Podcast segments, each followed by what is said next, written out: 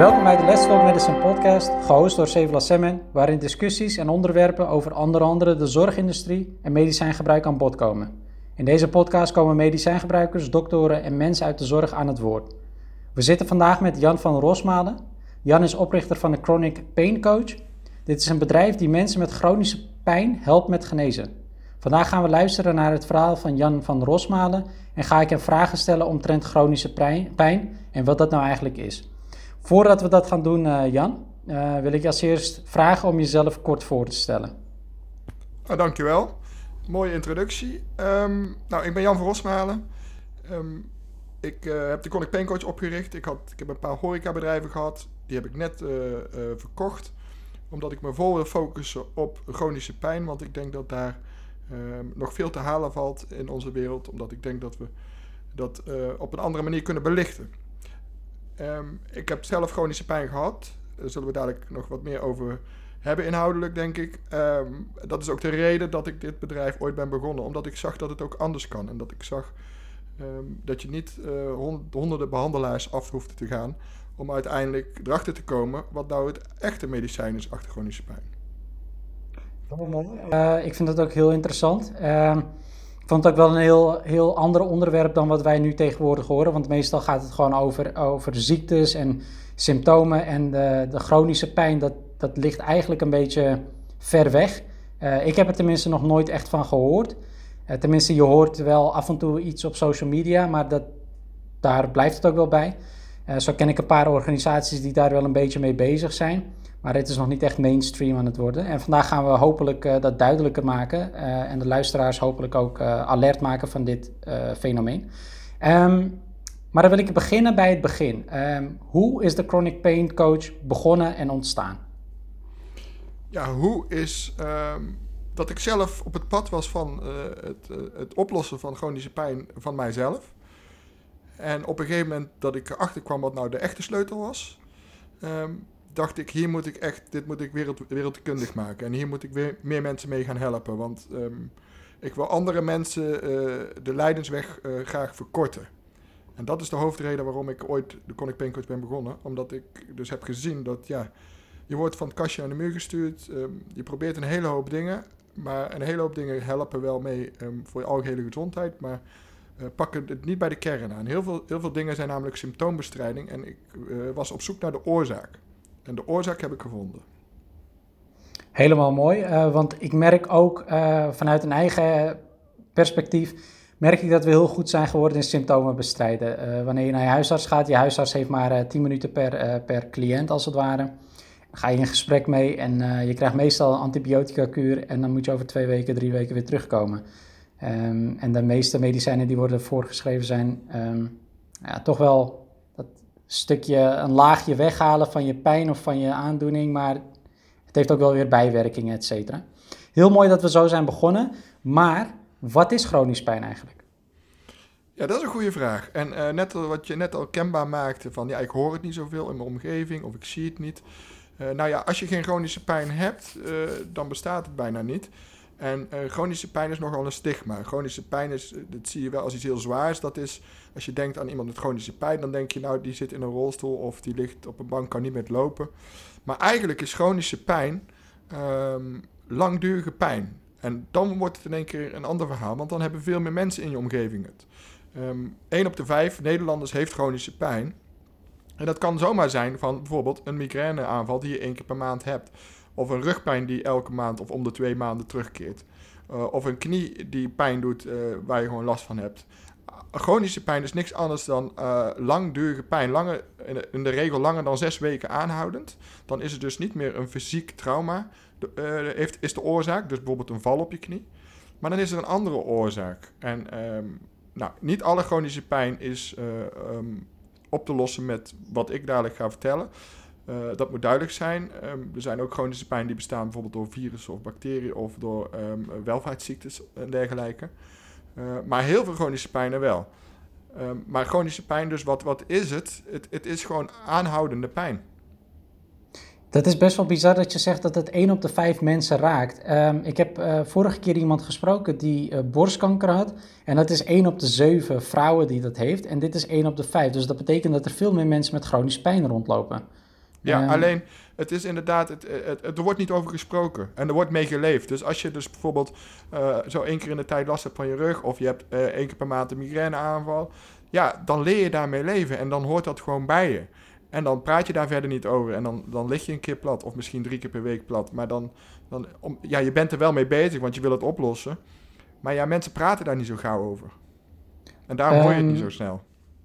Hoezo zouden mensen daar eigenlijk niet over praten? Want ik neem aan dat wanneer jij, zoals je zegt, langer dan zes weken last hebt ergens van en het blijft het is gewoon aanhoudend en het belemmert je eigenlijk. eh, waarom zouden mensen daar dan niet over spreken? Durven ze dat niet of zo? Nou ja, kijk, één, je wil, sommige, vaak willen mensen gewoon, gewoon geen blok aan een, een andermans been zijn. Dus ze willen niet, eh tussen zeurend overkomen. Dus als jij naar verjaardag gaat, dan ga je niet eh, het hebben over jouw hoofdpijn die jij twee keer per week hebt. Nee, dan probeer je toch een leuk gesprek te hebben. Want je hebt, je hebt al zo vaak met die pijn van doen. Dan heb je het niet nog, nog een keer zin op een, op een leuk, ja, op een verjaardag om het daar nog een keer over te hebben, bijvoorbeeld. Dus eh, ja, mensen houden het heel erg bij zichzelf. Ehm, merk ik. En, en ja, het is een persoonlijk, persoonlijk iets en eh, ja, dat, dat uiten ze vaak niet zo. Mensen doen zich vaak anders voor dan dat ze echt diep van binnen zijn in onze samenleving. En dat is met pijn helemaal zo het geval. Zou het ook het, eh, ermee te maken hebben? Want ik, ik vind het heel interessant hè, hoe, hoe een mens dat zou beredeneren. Iemand die chronisch pijn zou hebben. Ehm, hoe diegene zich voelt, dat probeer ik me helemaal in te verplaatsen. Want ehm, ja, kijk, ze praten het er niet heel vaak over. Maar komt het ook doordat mensen het niet echt vaak daarover hebben? Of eh, dat ze het dan een beetje geklaag vinden of zo misschien? Ja, dat. En ehm, nou ja, als ik dadelijk nog een beetje de diepte inga. Eh, eh, volgens mij, eh, volgens de Chronic Pain Code, het is een psychosomatische klacht. Dus het heeft te maken met je, met je, ook met je psyche. En daar blijven mensen vaak uit. Want dan vinden ze al gauw eng. Want dan denken ze, oh, dan ben ik, word ik dadelijk gek gevonden. Of ik heb dus een psychisch probleem. Nou, dan kom je in een heel ander hoekje terecht dan dat je zegt, nou, ik heb gewoon last van mijn knie en ik ga naar de fysio. Ehm, dus daarom is het ook niet zo bespreekbaar in, in, in algemene zin. Als je dus gewoon ja, met mensen die eigenlijk niet dicht bij je staan, eh, dat deel je er niet zomaar zo snel. Ik denk dat het heel belangrijk is om te begrijpen hoe, eh, hoe iets in elkaar steekt, steekt. Om eerst te vragen hoe ontstaat zoiets. Is er een, is er een trigger die chronisch pijn zeg maar aanwakkert? Ja, het is wel een goede vraag die je zo stelt. Dus dan zal ik even iets inhoudelijker vertellen, want dat heb ik nog niet verteld. Vanuit de Chronic Pain Coach en vanuit mijn ervaring is het dat eh, emoties en onderdrukte emoties, ehm, als je een emotie niet uit, ehm, dan wordt die ingekapseld in je lichaam tot op celniveau. Een, wetenschapper, Candice Pert, heeft daar een mooi onderzoek naar gedaan. Die kon het ook echt aantonen. Maar het belangrijkste is dat je gaat begrijpen dat dus een emotie, als je die, eh, een emotie komt voorbij, die moet je ervaren. Dus als je boos bent, blij bent, wat dan ook, welke emotie, die moet je ervaren op dat moment. En dan is prima, dan kan die emotie eruit. Want emotie is uiteindelijk energie, die gaat eruit. Nou, wat gebeurt er nu als je emoties niet uit, als je bijvoorbeeld verdriet of pijn hebt, ehm, eh, ehm, eh, emotionele pijn, hè, ehm, dan, ehm, en je drukt dat weg, dan, dan blijft het achter dus in je lichaam. En eh, nou, even heel snel gezegd, waarom druk je dat dan weg? Ehm, omdat je bijvoorbeeld te veel verdriet op een moment hebt, hè, een, een, een dierbare overlijdt, laat ik dat voor, voor, voor- een eh, voorbeeld noemen, dan, ja, dan is dat misschien zoveel emotie die je op een gegeven moment niet meer kan verwerken en het is te heftig en je wil door met je leven, dus je, je, je- zet het eigenlijk op slot, dus je verwerkt het niet. Nou, dan krijg je eigenlijk al een beetje een residu van emotie in, in je systeem. Nou, vaak met chronische pijnen heeft het veel te maken met kindertijd. Vanaf de kindertijd al dingen die je hebt meegemaakt en het bouwt zich zo op. En op een gegeven moment vormt dat ook een bepaalde persoonlijkheid die dus die emoties onderdrukt. En uiteindelijk ga je dus onbewust emoties onderdrukken, want het is jouw persoonlijkheid geworden. Omdat je dus ooit jezelf hebt ge- aangeleerd. Laat ik als voorbeeld noemen, als je een klein kindje bent en eh, je, je, je moeder zegt je mag niet huilen, dan elke keer als je wil huilen, eh, doe je het niet, want je hebt geleerd dat mag niet bij ons thuis. Maar die emotie is er en, en je bent verdrietig, maar je mag hem niet voelen van jezelf niet, omdat je dat hebt geleerd. Dan druk je die dus weg. En elke keer als je dus in jouw leven dus een beetje verdrietig bent, druk je die weg. Nou kun je je voorstellen dat dat een hele emmer van emotie wordt die in je lichaam zit opgeslagen. Nou, en wat is nu chronische pijn? In, in, in, grote lijnen is dus, ehm, die pijn is een afleiding. Die pijn is er namelijk om te vertellen, heel simpel gezegd, er zijn emoties waar, waarmee gewerkt moet worden, die moeten eruit. Ehm, want die emmer of die, die ballon met emoties, die is zo vol nu. Ja, die, die klapt bijna. Dus, dus de, en, dat, en dat, waarom geeft jouw lichaam jou pijn? Om jou af te leiden van die emoties. Um, want die, jij hebt jouzelf geleerd dat die emoties eng zijn en gevaarlijk. Dus uh, die, de pijn is alleen maar om jou af te leiden van die emoties. Omdat elke keer als zo'n emotie komt, doet jouw onderbewuste er alles aan om niet naar die emotie te gaan. En wat, wat, wat voor betere manier dan een pijnprikkel, een fysieke pijnprikkel, uh, om, om jou af te leiden. Want daar gaat meteen jouw aandacht heen en dan zijn ze mooi afgeleid van die emoties. Dus zo even heel simpel gezegd is hoe het werkt en waar, waarom emoties dus de oorzaak zijn van die langdurige pijn. Ik ben een beetje uitgeweken van je, van je verhaal, maar... Eh, nee, nee, nee, het is zeker niet uitgeweken. Het is super interessant. Um, want emoties worden tegenwoordig gezien, of tenminste tegenwoordig, in bepaalde groepen of bepaalde mensen vinden dat een zwakte. We worden vooral geleerd om emoties onder controle te krijgen, maar dat kan dan verkeerd begrepen worden als ik het zo hoor. Want mensen kunnen dat begrijpen als toon je emoties niet, want emoties zijn slecht voor je. Nee, Terwijl we eigenlijk een behoefte hebben, toch? ja, dat is hoe de samenleving uh, in grote lijnen de laatste eeuw is opgebouwd. Alleen, ja, we hebben behoefte inderdaad, ik vul je even aan, om die emoties te uiten. Want daarvoor zijn ze er. Emoties, die zijn er alleen maar om jou iets te vertellen. Je bent iets ergens mee oneens, of je vindt iets niet fijn, of uh, je vindt verdrietig. Nou, verdriet hoort gewoon bij het leven. Net zoals dat geluk bij het leven hoort. Ja, maar als we dan kijken naar emotie, uh, emotie kan ook heel negatief zijn als je te veel ervan hebt. Want ik weet dat als je te veel de verdriet hebt en je uit dit, dan ben je ook wel een, kan je ook wel uitgroeien tot een emotioneel wrak. Um, toch, lijkt mij? Of... Uh, nou ja, dat je het moet uiten, emotioneel wrak. Er, zit, er zitten emoties die eruit moeten. En op een gegeven moment, als je dan zegt: Nou ja, ik wil geen emotioneel wrak zijn, dus ik stop ermee en ik ga nu gewoon weer mijn leven leiden. Ja, dan, dan heb je nog steeds een onverwerkt stuk. Um, je kunt geen verdriet hebben uh, um, als er geen verdriet is, zeg maar, om het zo maar heel simpel te zeggen. Dus dat verdriet, dat komt ergens vandaan. Um, een ander ding is wel je mindset hierbij. En daar, dat, daar, daar eh, trainen we in het programma ook op. Want je kunt natuurlijk wel een beetje in een visuele cirkel blijven hangen. Dat is denk ik waar je een beetje op doelt. Precies, dat is wat ik bedoel, ja. Ja, en, en, en daar heb je je mindset voor nodig om dus wel die emoties te ervaren, maar op een gegeven moment ook weer even een beetje eruit te stappen en, en weer positieve kant op te kijken van het leven. Want ik kan wel, ik kan wel voorstellen dat wanneer, ik weet het van mezelf ook wel hoor, uh, ik, heb, ik heb ook mezelf moeten trainen om, zeg maar ook, uh, ik kon heel erg goed mijn emoties uiten, maar soms werd het op een gegeven moment wel veel, dat je overladen werd met, met emoties en dat je ook dingen ging afreageren omdat je dat voelde. Uh, weet je, het is goed om het eruit te krijgen, maar ook soms bij jezelf nagaan van waarom ontstaat deze emotie eigenlijk? Wat heb ik moeten doen? En daar heb jij eigenlijk een heel goed punt bij geslagen. En wat ik ook wel heel interessant vind, is dat je zegt dat de emoties meestal vanuit de kindertijd bijvoorbeeld komen. Kan jij daar ons wat meer over vertellen van hoe, hoe, hoe komt dat? Nou ja, hoe komt dat? Is omdat je bent een kopie van je ouders. Dus het, van, van 1 tot 7, of van 0 tot 7, uh, neem je eigenlijk alle, uh, benadruk ik het nu een beetje westers, programmaatjes over van je ouders. Je wordt geconditioneerd door je ouders.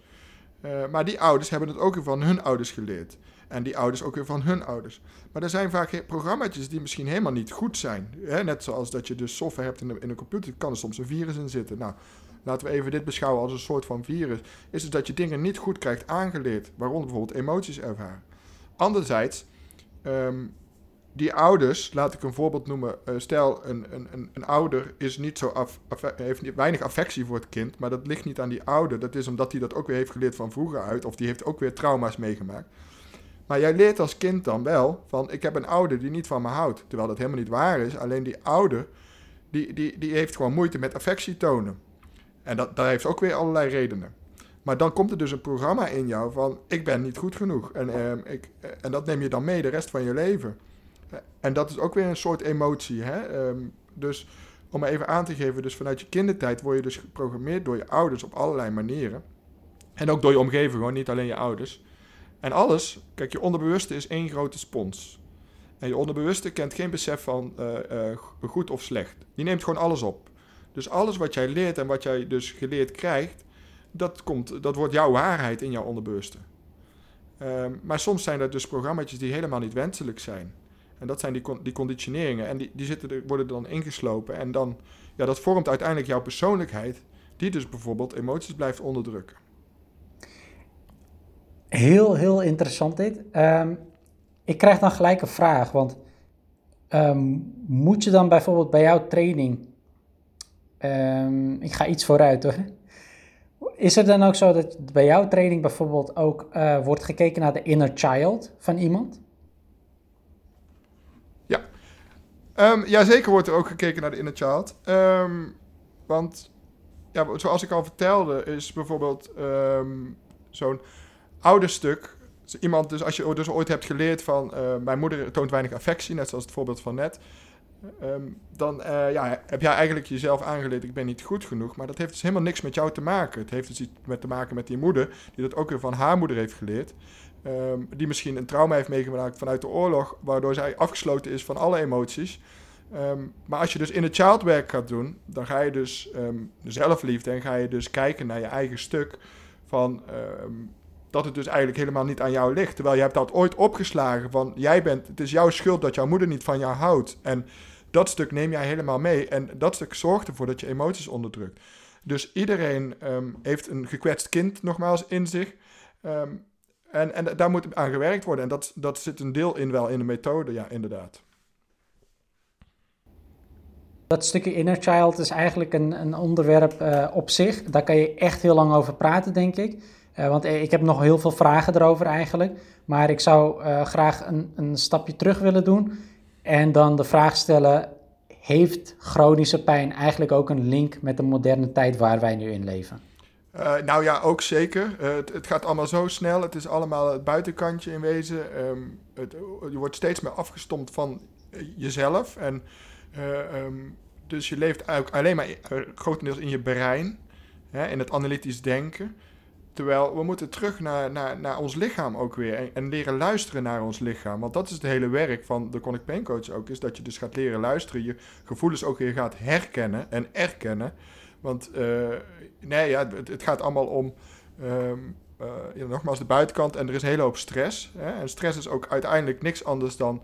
Uh, je bent het niet eens met de situatie hoe het zich voordoet. Maar stress is een spiegel. Alles is een spiegel. Dus dan moet je naar jezelf kijken van... ja welk gekwetst deel in mij vindt dit nu vreselijk? Dat bijvoorbeeld, nou ja, laten we zeggen, stress. Um, jouw baas die zegt dat je iets, een deadline af moet hebben. Nou, dat is, dat is alleen maar feitelijk. Er is een deadline en jouw baas vraagt dat. Maar jij vindt daar iets van. En jij wordt getriggerd door jouw baas. Maar dat, dat triggeren, dat is dus een, een gekwetst deel in jou. Wat jij mag gaan onderzoeken. En als je dat oplost, dan, dan los je heel, de, heel die situatie op. En uh, ja, dat is een beetje bij. Hey, ja, sorry? Dat vind ik wel een hele mooie, want um, ik, ik heb nu heel veel deadlines op werk bijvoorbeeld. Um, gelukkig werk ik 36 uur, heb ik nog uh, ruimte voor mezelf zoals nu. Um, maar er zijn heel veel deadlines en ik, ik ervaar wel uh, de afgelopen week had ik heel veel stress omdat mijn collega's laat zijn weggegaan en ik zat, sta alleen op, op de afdeling. Heeft dat dan ook te maken met een stukje inner child van mij dus? Nou, misschien niet ineens in het child, maar gewoon wel met je, met je innerlijke stem, zoals ik het noem. Kijk, het kan met verschillende dingen te maken hebben. Uh, laten we dit voorbeeld. Het kan ook zomaar zijn, is dus dat er heel veel collega's niet zijn, maar dat jij niet voor jezelf durft op te komen en dus tegen de baas hoeft te zeggen: Ja, meneer, ik, ik ben ook maar één mens en ik kan dit niet allemaal alleen. Maar je doet het wel nu en je spreekt jezelf niet uit en daarom kun je misschien stress ervaren, omdat je dus um, ja, je eigenlijk je innerlijke stem niet durft te uiten, omdat je bang bent voor represailles. Dat zou, dat zou een optie kunnen zijn. Maar het zou ook zomaar in het childstuk kunnen zijn. Is dat je, maar uiteindelijk komt het misschien wel van in het child af trouwens. Is omdat jij je niet durft uit te spreken. Ja, dat komt ergens vandaan. Omdat jij bang bent uiteindelijk voor. Um, kan van verlatingsangst bijvoorbeeld vandaan komen. Of van uh, ja, dat je er alleen, weer alleen voor staat. Hè? Um, maar als jij in je kracht komt en als jij um, echt dat innerlijke kindwerk doet, dan kom je erachter dat je nergens bang voor hoeft te zijn. Uh, het, is, het, zijn, het zijn alleen maar feitelijke situaties, alleen het is de emotie wederom die jij eraan koppelt, uh, die iets erg of niet erg maakt. En waarom jij dus misschien angst hebt, diep van binnen, om uh, dus naar een baas in dit voorbeeld te gaan en te zeggen: Ja, ik sta voor mezelf op, want ja, dit kan ik niet als mens alleen. ik weet niet of dat zo is, maar dat zou zomaar zoiets kunnen zijn. Hè? Ja, heel mooi, heel mooi uitgelegd. Ja. Ik herken me zeker wel in bepaalde dingen, zoals dat uh, niet durven uitspreken. Ja, dat, dat, dat heeft wel iets als ik er terug over nadenk, ja, daar heeft het wel, heb ik wel iets Ja, uiteindelijk van, eh, van gehad. In zo'n voorbeeld kan het bijvoorbeeld zijn, uiteindelijk als je het helemaal uitkleedt, angst voordat je je baan kwijtraakt. En als je dan je baan kwijtraakt, ja, dan heb je geen inkomen en dan heb je geen huis meer. En dat is een hele primaire angst die bij iedereen leeft. En daarom blijven we ook bijvoorbeeld allemaal heel lang bij onze eigen baan plakken. Eh, Omdat we dus bang zijn ehm, om dus bepaalde keuzes te maken. Omdat we dan onze, weer daar alleen zijn, hè, alleen. Eh, ehm, maar uiteindelijk luister je dan niet goed wat je innerlijke stem of je ziel, of hoe je het wil noemen, eh, wil. Want uiteindelijk, we zijn allemaal uniek. Ehm, maar heel va- vaak doen we dat niet, omdat, omdat angst regeert. Nou, het is de kunst om die angst in de ogen aan te gaan kijken. Het, Ja, super fascinerend. Eh, het is echt een heel moeilijk stuk, maar eh, zoals je zegt, ik heb, ik heb het vanuit huis meegekregen dat je gewoon, je gaat studeren, je gaat een baantje hebben en dan blijf je eigenlijk voor altijd werken. Want als je een baan laat gaan, dat is best wel eng. Dat doe je niet. En met, met, met die mentaliteit heb ik heel lang geleefd en het was alleen maar, ik voelde me heel erg opgesloten in- in een hoekje, weet je wel. En je zat tussen vier muren en het enige waar je aan kan denken is, wat gaat mijn baas zometeen zeggen? Is mijn werk wel goed genoeg? En ik heb zo wat de angst een beetje leren overwinnen. Maar ik merk in sommige situaties, nu je het weer zegt, merk ik dat ik toch wel een beetje die angst nog heb van wat gaan ze van me denken. ja, en dat, dat is bij iedereen, en, of ja, niet iedereen, maar dat is dus een heel groot stuk waar je aan werkt. Ehm, en in de methode is dat ook een wezenlijk onderdeel, is dus dat je innerlijke stem gaat vinden van wat wil ik nu echt? Ehm, en dan moet je inderdaad die angststukken, daarmee moet je aan het werk, want je moet eigenlijk angst gaan doorzien, want je bent eigenlijk bang voor het bang zijn. Maar je moet dus gaan zien dat je niet bang hoeft te zijn voor het bang zijn. Er is angst, nou, en die angst die ga je herkennen. Die komt ergens vandaan, dat is een conditionering, dat komt ergens vanuit waarschijnlijk je jeugd. Eh, omdat je dus bang bent en zo geleerd hebt om er alleen voor te staan of wat dan ook. Maar als je dus op een gegeven moment die angst gaat doorzien en denk je, oké, het is angst, maar wat is angst eigenlijk? Het is een emotie, toch? Ja, maar, maar niet meer dan dat. Het is, een, het is een sensatie. Een emotie is uiteindelijk een sensatie. En als je het nog verder uitkijkt, is een sensatie uiteindelijk een trilling en is het energie. Dus als we helemaal bij de kern zijn, is angst eigenlijk helemaal niks. Ja, het is energie. Het is een trilling. Maar, ehm, dus ja, dan kun je er ook op een gegeven moment minder bang voor zijn. En dan gewoon angst voelen. En denk je, oké, angst. Kijk, angst is er om jou iets te vertellen. Het is een leraar. En, als je daarmee aan het werk gaat en je, en je gaat dus eh, die an- angst uiteindelijk transformeren. Hè, eh, dat je dus niet meer bang wordt voor bepaalde dingen. Ja, dan, dan ben je aan jezelf aan het werk. En dat heet innerlijk werk. Prachtig, prachtig. Echt waar, heel mooi. En dat leert mij alleen maar meer dat ik nog zoveel te leren heb over, over mezelf en hoe je jezelf kan ontwikkelen. En ik denk de meeste mensen ook wel. Ja, dat houdt nooit op. en dat maakt het leven ook alleen maar mooi. Nee, het houdt nooit op. Maar je wordt wel, Je moet gaat elke keer wel, als je het werk doet, een, st- een stapje omhoog. En je gaat steeds meer angsten, bijvoorbeeld, die ga je eh, verliezen. Heel mooi, heel mooi. Laten we even weer naar jou persoonlijk gaan. eh, want jij hebt ook te maken gehad met chronische pijn. Ehm, waar kwam dit ineens vandaan? Eh, nou, bij, mij, het, nou, het begon altijd wel een beetje, ik had bijvoorbeeld wel spit. En dat is eh, dat in je rug schiet. Nou, dat heeft iedereen wel eens een keer. nou denk je, nou ja, dat heb je. Ik heb een zwakke rug. Hè? Dat is ook een programma wat in me afgaat. Ik heb gewoon een zwakke rug. Je gaat naar fysio. Fysio zegt, ja, je hebt een zwakke rug. Je hebt dat nou af en toe.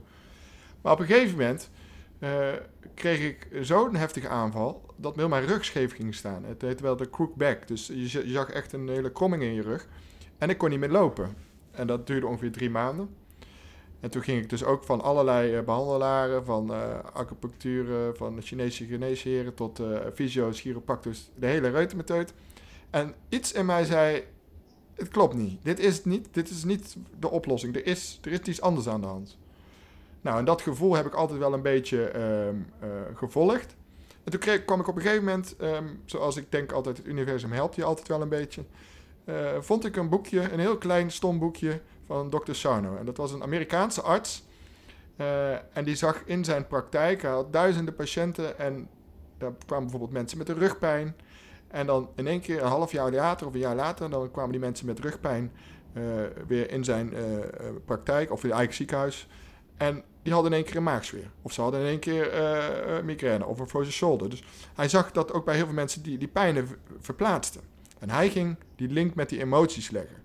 Ehm, daar heb ik eh, veel van geleerd van die man. Hij heeft een westerse benadering op een, op een probleem wat eigenlijk door de Oosterse filosofie al heel anders wordt belicht. Dus de kennis was er al lang. Alleen hij heeft het wel westelijk en, en ook kunnen verklaren in de wetenschap van wat er nu aan de hand is. Dus even terugkomt op mijn verhaal. Dus ik kon niet meer lopen. Ehm, en vervolgens, daar begon mijn reis. En dus met dat boekje, ehm, toen ik dat boekje las, toen had ik in één keer een week helemaal geen pijn meer. En toen snapte ik van, hé, er is iets anders aan de hand. Het heeft met het brein te maken, met uh, het lichaam, emoties. In ieder geval, er is niks met mijn rug, want anders kan het niet zo zijn dat ik in één keer uh, niet kan lopen en in één keer door kennis in één keer wel kan lopen. Daarna kwam het weer terug op hele andere vormen. Hè. Ik, heb tinnitus gehad, ik heb de meest rare pijnen gehad, omdat het gaat verschuiven. Um, uh, ischias, lange beenzenuw. Nou, je kunt op mijn site lezen wat ik ongeveer allemaal wel gehad heb en, en nog meer. Uh, omdat het een afleidingsstrategie is. Um, dus daarna begint het werk pas echt. maar toen was het voor mij wel helder van... oké, okay, de, de oorzaak ligt ergens anders dan in mijn rug. Waar ik toen last van had. ja, ja um, als je nu gaat kijken naar de reguliere zorg... Hè, um, ben jij naar je arts geweest? Ja, wel. Maar het is net wat je zei in het begin van het verhaal.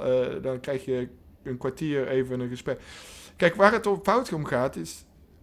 Artsen kijken naar het probleem. En eh, er is niks tegen artsen, want ze hebben een, een, een rol hier en het is allemaal.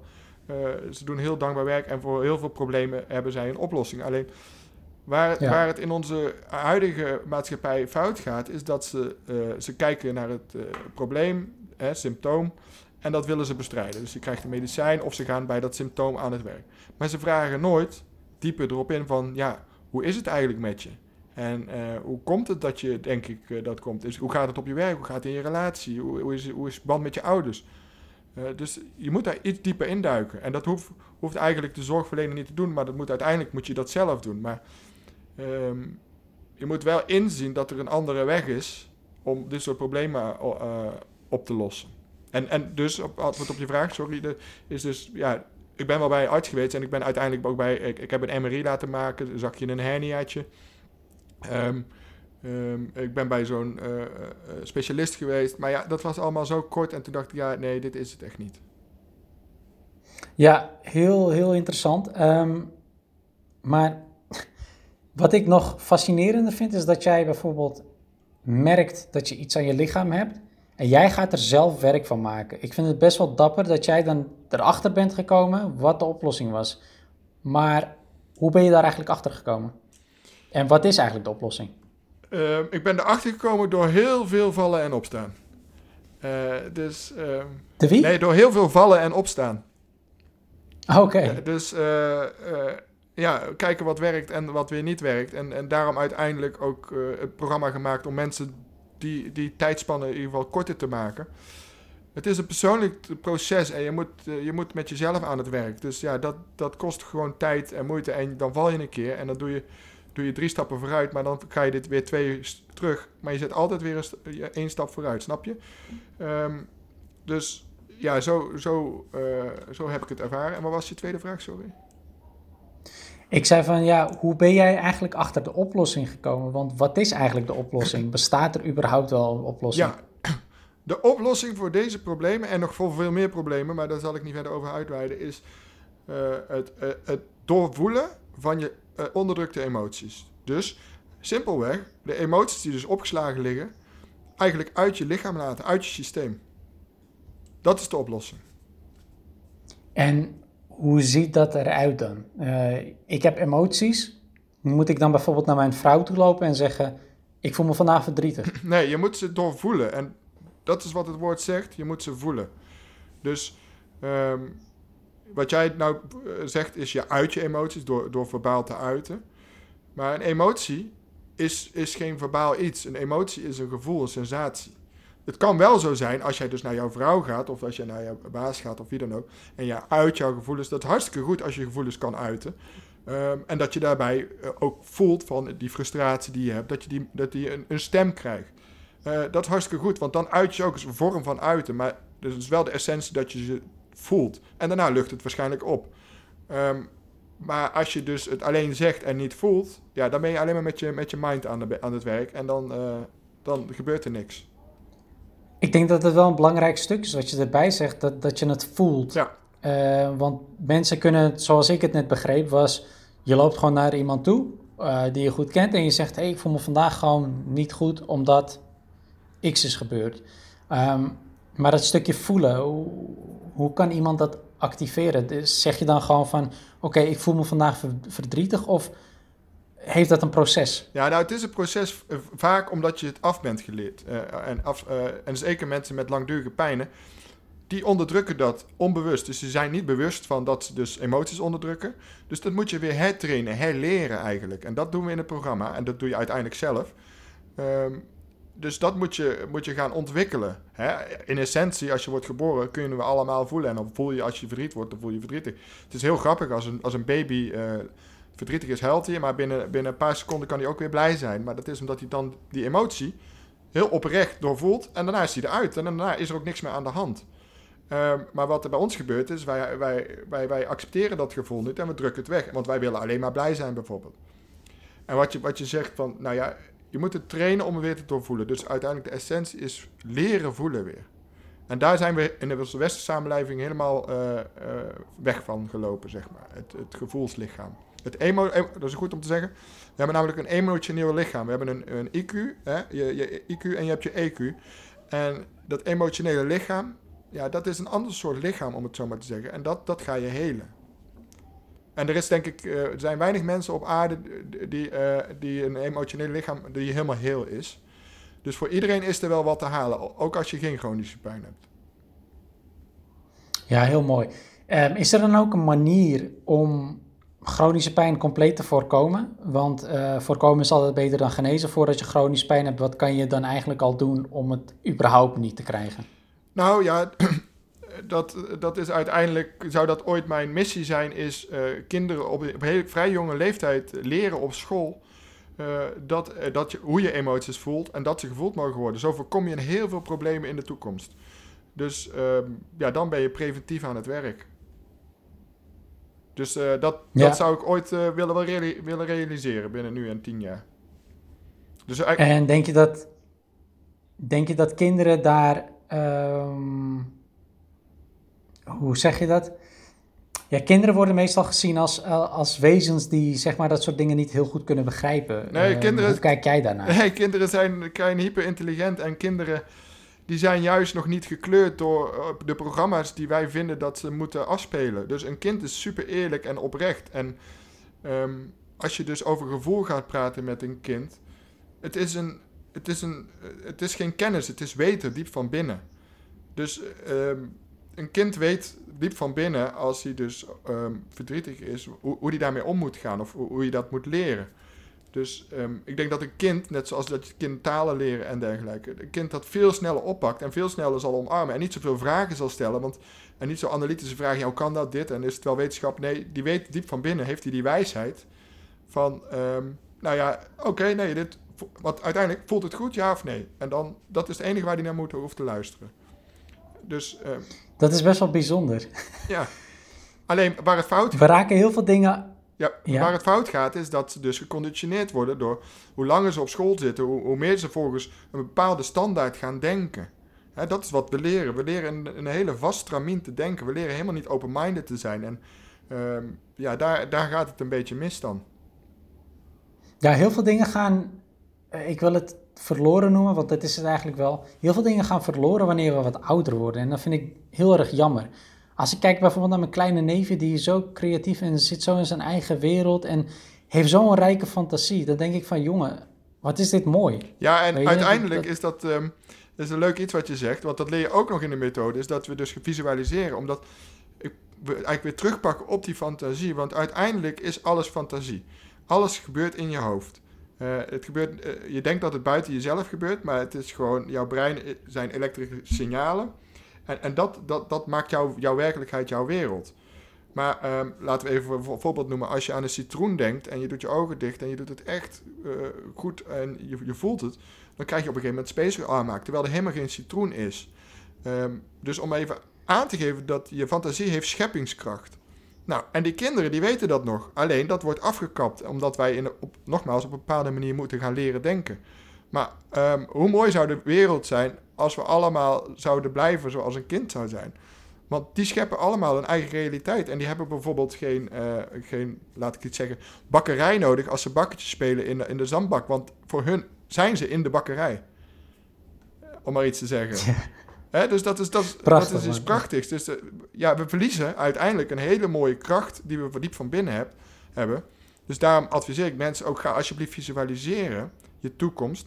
Ook daar weer een hele belangrijke tip, gevoel. Als je iets visualiseert alleen met het denken, gebeurt er niks. Maar als je gaat visualiseren en je voelt het daarbij alsof het zo is. Dus stel jij wil op vakantie en je voelt jezelf op dat strand liggen. En je voelt de palmbomen om je heen waaien. En je voelt echt alsof je daar ligt. Nogmaals, je onderbewuste is een spons. Dus die kent niet het verschil als je je ogen open hebt met of dat de realiteit is of als je ogen dicht hebt als het de realiteit is. Dus op dat moment is het waar. En op dat moment uh, is het voor jou, voor, jou, voor jou of voor jouw lichaam waar dat je op dat strand ligt. En op dat moment gebeuren er hele mooie dingen in jouw brein.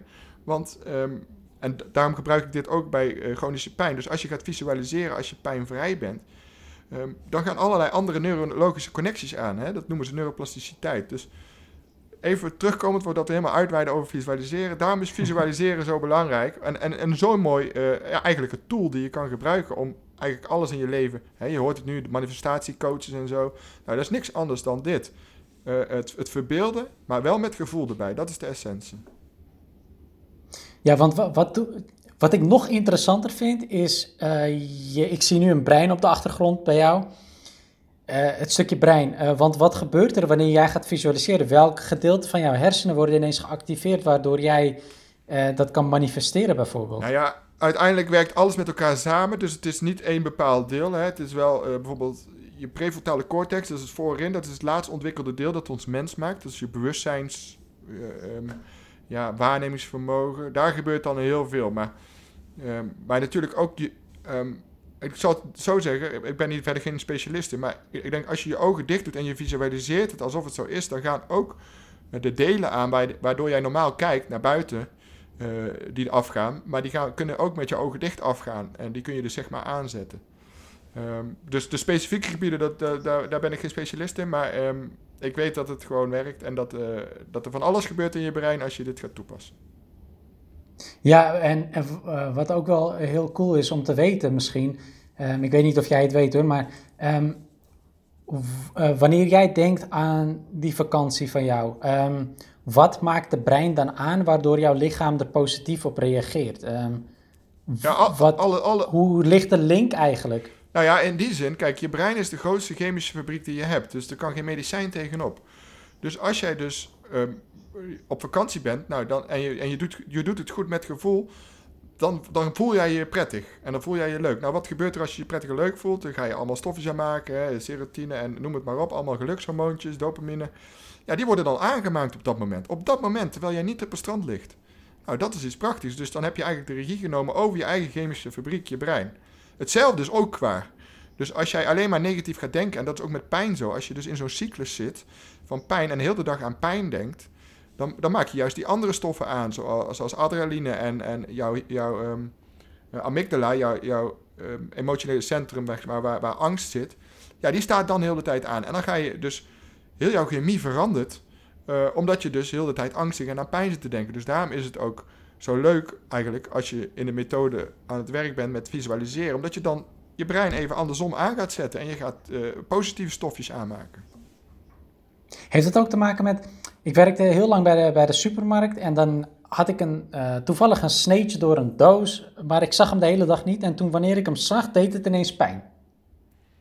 Ja, maar dat is inderdaad... Uh, Hetzelfde Ja, ja, dan is het visueel en dat is ook weer angst. En uh, kijk, uiteindelijk... Als het, nou, dat heeft met bewustzijn te maken.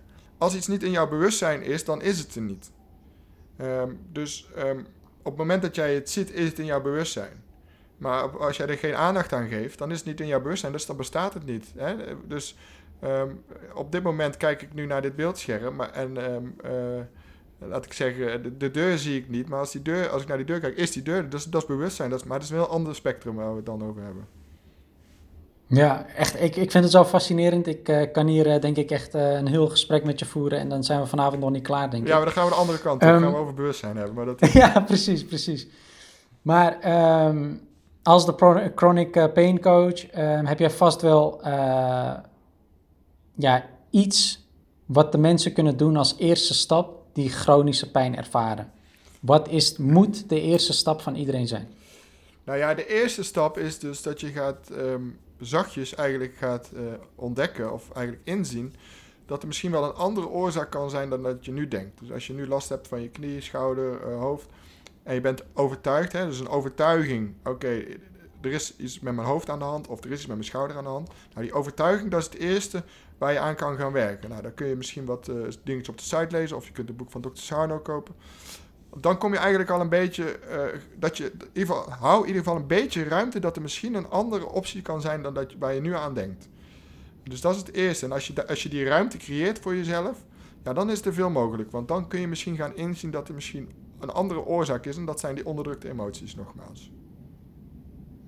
Heel mooi, heel mooi. En we komen constant terug op die onderdrukte emoties. Dus ik denk dat het wel heel erg duidelijk is op dit moment dat, dat het allemaal begint bij je onderdrukte emoties. En dat je moet werken aan je gedachtegang en aan je inner child en goed terug moet blikken. En daar heb jij een prachtig programma voor natuurlijk.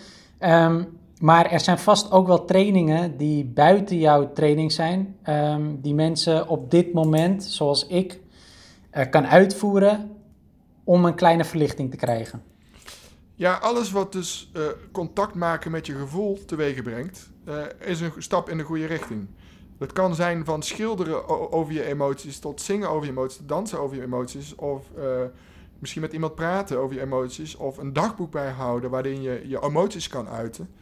Vele wegen leiden naar Rome, maar voor iedereen en zeker ook als je geen chronische pijn hebt, um, maak ruimte voor die emoties en ga ze eens ontdekken en onderzoeken. Want uiteindelijk, uh, waar ze vandaan komen, maar het belangrijkste is, ga ze leren voelen. Hè? En dat is de essentie. Dus hoe je ze gaat voelen, dat, dat, ja, daar zijn heel veel verschillende manieren voor.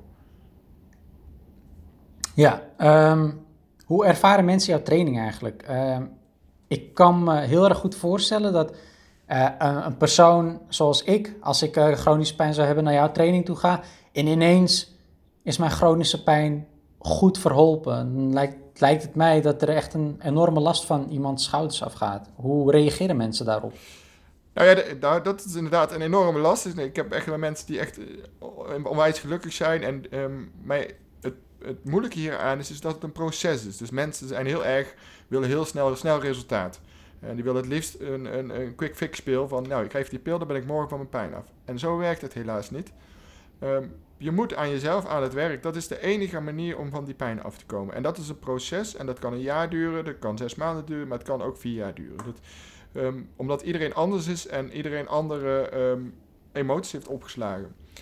Maar als je gaat zien dat het werkt en dat je elke keer weer een klein stapje omhoog komt, dat is, dat is de, de reden voor jou om door te gaan. En dat is de houvast. Want je ziet, ik ben iets aan het doen, ik ben hiermee aan het werk. En het, het, wordt beter. Ik slaap in één keer beter. Ik, uh, ik kan in één keer, ondanks dat ik misschien nog wel pijn heb, heb ik misschien geen pijn meer aan mijn linkerkant van mijn, mijn lichaam. Dus zo gaandeweg uh, houden mensen zich vast aan het programma, omdat ze zien van, nou ja, dit is wel de kern, alleen het is moeilijk, want anders was dit ook mainstream.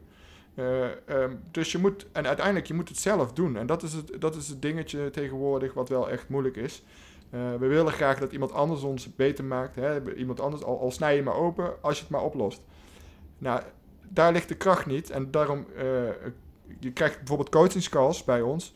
Alleen niet te veel, want ik geef de kracht in iemand anders handen. Ik zeg, je moet het zelf doen. Ik begeleid je. Um, ik geef je tips. Uh, als je even vastloopt, dan trek ik je eruit. Maar je moet het zelf doen, want iedereen is zijn eigen medicijn. En dat is ook weer het ontzettend mooie hieraan, is dat je, ja, wij onszelf kunnen helen hierin. Ja, uh, zelfhelende krachten. Ik heb daar laatst uh, leuke artikelen over gelezen. Uh, is dat dan ongeveer hetzelfde als placebo-effecten? Aanwakker eigenlijk? Nou, placebo-effect is natuurlijk wel iets moois dat je dat zegt. Want het is inderdaad ook... Um, dat geeft aan hoe krachtig jouw overtuiging kan zijn. En jouw geloof ergens in. Dus... Um, dat heeft dus meer ook meer met conditionering te maken en geloof. Dus als jij gelooft dat je jezelf beter kan maken, of dat je beter kan worden, dan geeft we even aan hoe krachtig jouw gedachten zijn. En daarom zit is het ook een onderdeel van het programma. dus uh, er zijn zat studies over placebo en bijvoorbeeld ook uh, eentje onlangs gelezen dat ze mensen met de hernia-operatie toevallig leggen ze op een tafel en deden mee met, die wisten dat ze meededen met een onderzoek. En dan uh, gingen ze onder narcose. En, en, tot het moment dat ze onder narcose zitten, wisten ze niet of dat ze wel of niet bij de placebo zaten.